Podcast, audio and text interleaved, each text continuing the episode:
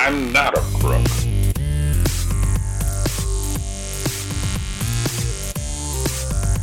But because they are hard.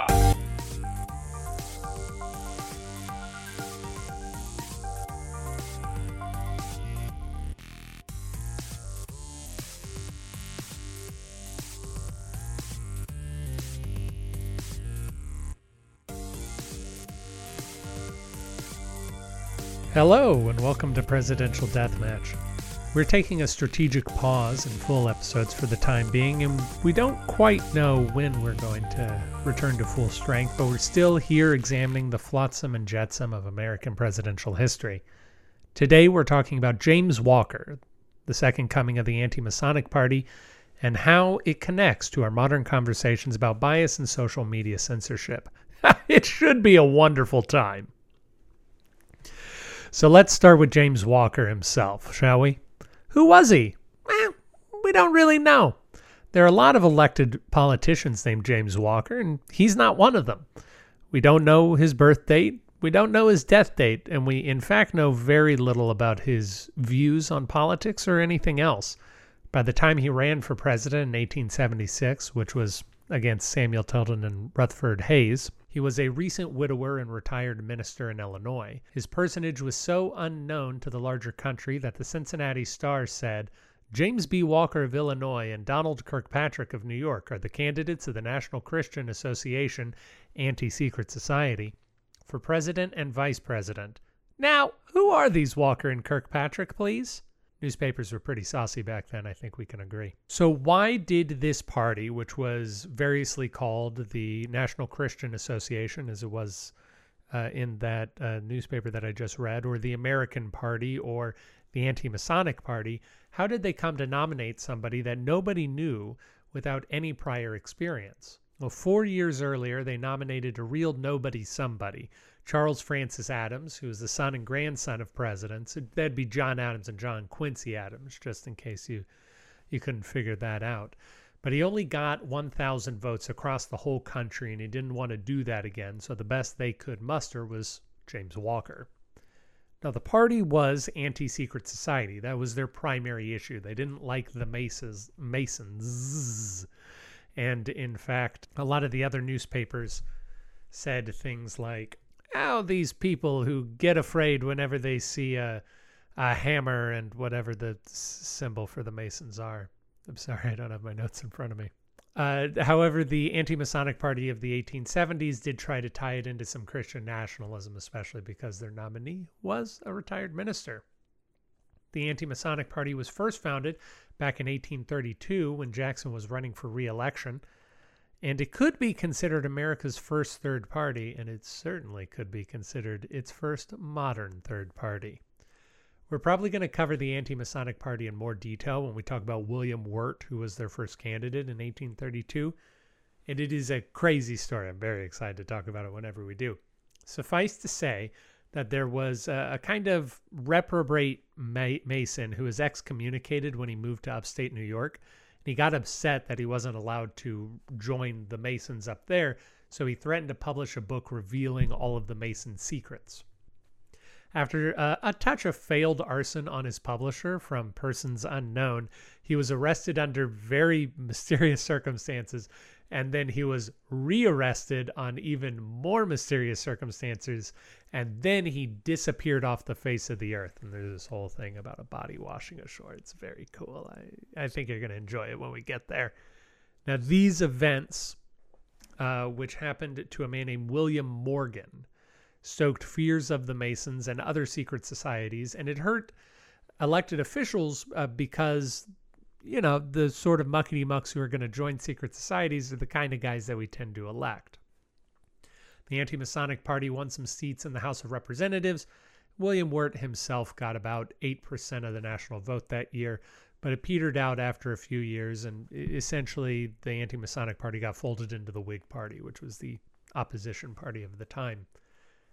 So the first anti-Masonic party can be seen as coming about as Americans America's third generation was coming of age.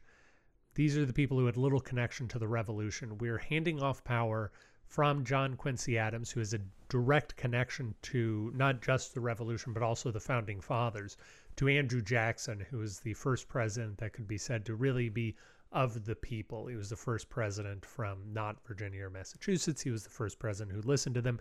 He was the first president who came from real hard scrabble times.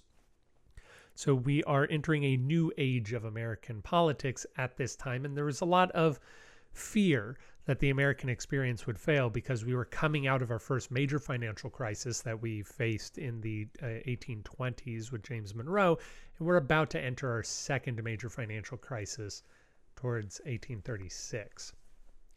So the people of America wanted an easy scapegoat for all of this fear that they had, and westward expansion was very big at that time too. They found one in secret societies and the mutual benefit they paid to each other. The idea that in America, you should be able to be anything, you should be able to get ahead. But there were fears that the people in secret societies were unfairly benefiting each other. 35 years later, James Walker, Charles Francis Adams, and the second wave of anti Masonic fever came on the heels of the Civil War. As major cracks again happened in America, not only the issues over the Civil War, not only trying to integrate freed black people into some semblance of our society, but also with the increasing industrial revolution and people were losing the ties that they used to have in their hometowns as they moved to cities where they didn't know anybody and where nobody knew anybody and where crime was on the rise and there was a lot of confusion and there was fear there's a lot of fear that the country could not heal and the country was not going to be the same again.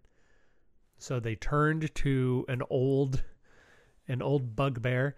They turned to Masons. They turned to secret societies. They turned to easy scapegoats that they could blame their problems on instead of facing what their problem was and, and trying to solve it. Today we face a similar crisis. We're at, I believe, an all time ebb of what is called non governmental civil institutions. Uh, the smallest number of people ever belong to a church. We don't really do a lot of clubs and things. People aren't talking to their neighbors as much. Uh, again, that the ties that we used to just have uh, are have have become freed from geography that that is a more positive way to look at it than saying they've been dissolved or that we don't have them anymore. But whereas a lot of our lives used to be dominated by geography, they are now not. And you can establish ties with people all over the world, people you may not really know, or you may only know through uh, through various things. And we all understand the rapid expansion of technology that has happened in our lives that is so different than anything that's come before it. And there is no aspect of our modern existence that is not impacted by the change in technology. And the way that technology is changing, it threatens to keep changing at a rapid pace over and over and over again over the next several decades at least. And there is real fear at the unknown before us. And we again return to trying to find easy scapegoats that we think are to blame. Now, they aren't Masons and they aren't really secret societies, but the same conspiratorial thinking that led to people in the past blaming Masons and blaming secret societies and saying, well, we can't know what's going on there. Well, that's happening again today as we have all sorts of conspiracies uh, from various parts of our country about so called elites or bias in the media or various other things, people who are trying to hide the truth from you. But for me, um, the the worst aspect of it is the people who are starting to blame the technology itself and the people who make the technology itself and who accuse it of bias and accuse it of censorship and are trying to shackle innovation in a way in order to fix what they perceive as problems and getting the real the real truth and the real information out. And just as with the anti-Masonic crowd of two centuries ago, our modern politicians are ever ready to soak the fires of that fear in an attempt to get reelected and to get fame. Uh, we have a number of senators who are currently trying to ride that train, and I think it is uncomfortable, not good, and ultimately deleterious to the health of the country. But hey, I don't vote in Missouri, so I don't really have a say in it. Right now, we aren't lucky enough to have all of the sort of anti technology scolds and all the conspiratorially minded people lumped together in one party like they did with the anti Masons. But I think we would all do well to try and keep an eye out for conspiratorial thinking and for constantly thinking, well, of course, they're not telling us the whole truth, or someone's trying to hide something from me, or, well, you know, that's not the real story. People who claim to have special knowledge of the truth, whether they are cult leaders or whether they are decrying those in power, I think they should be looked on with some suspicion. But to return to the nominal topic of today's episode, James Walker, how did things end up for him in 1876? Well, he got 2,000 votes, which of course is twice as many as CFA, as nobody ever called Charles Francis Adams, and thus he was qualified for us to talk about him this season. We hope to return with full episodes very soon, and if not with full episodes, then maybe small historical episodes like this. But if you enjoyed it, well, tell somebody about it. We'd uh, we'd really like people's opinions on what's going on with this show. And until then, goodbye.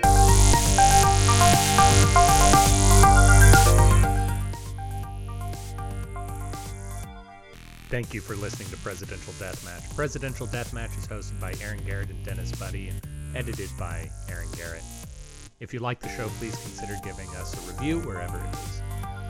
Do that, we'd really appreciate it. If you didn't like listening to the show, well, why don't you come on back and give us another try? We really grow on you. If you want to reach out to us, you can do that at contact at pronoiatheater.com.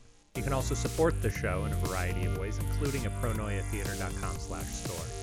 We hope you enjoyed it, and we hope to hear from you soon.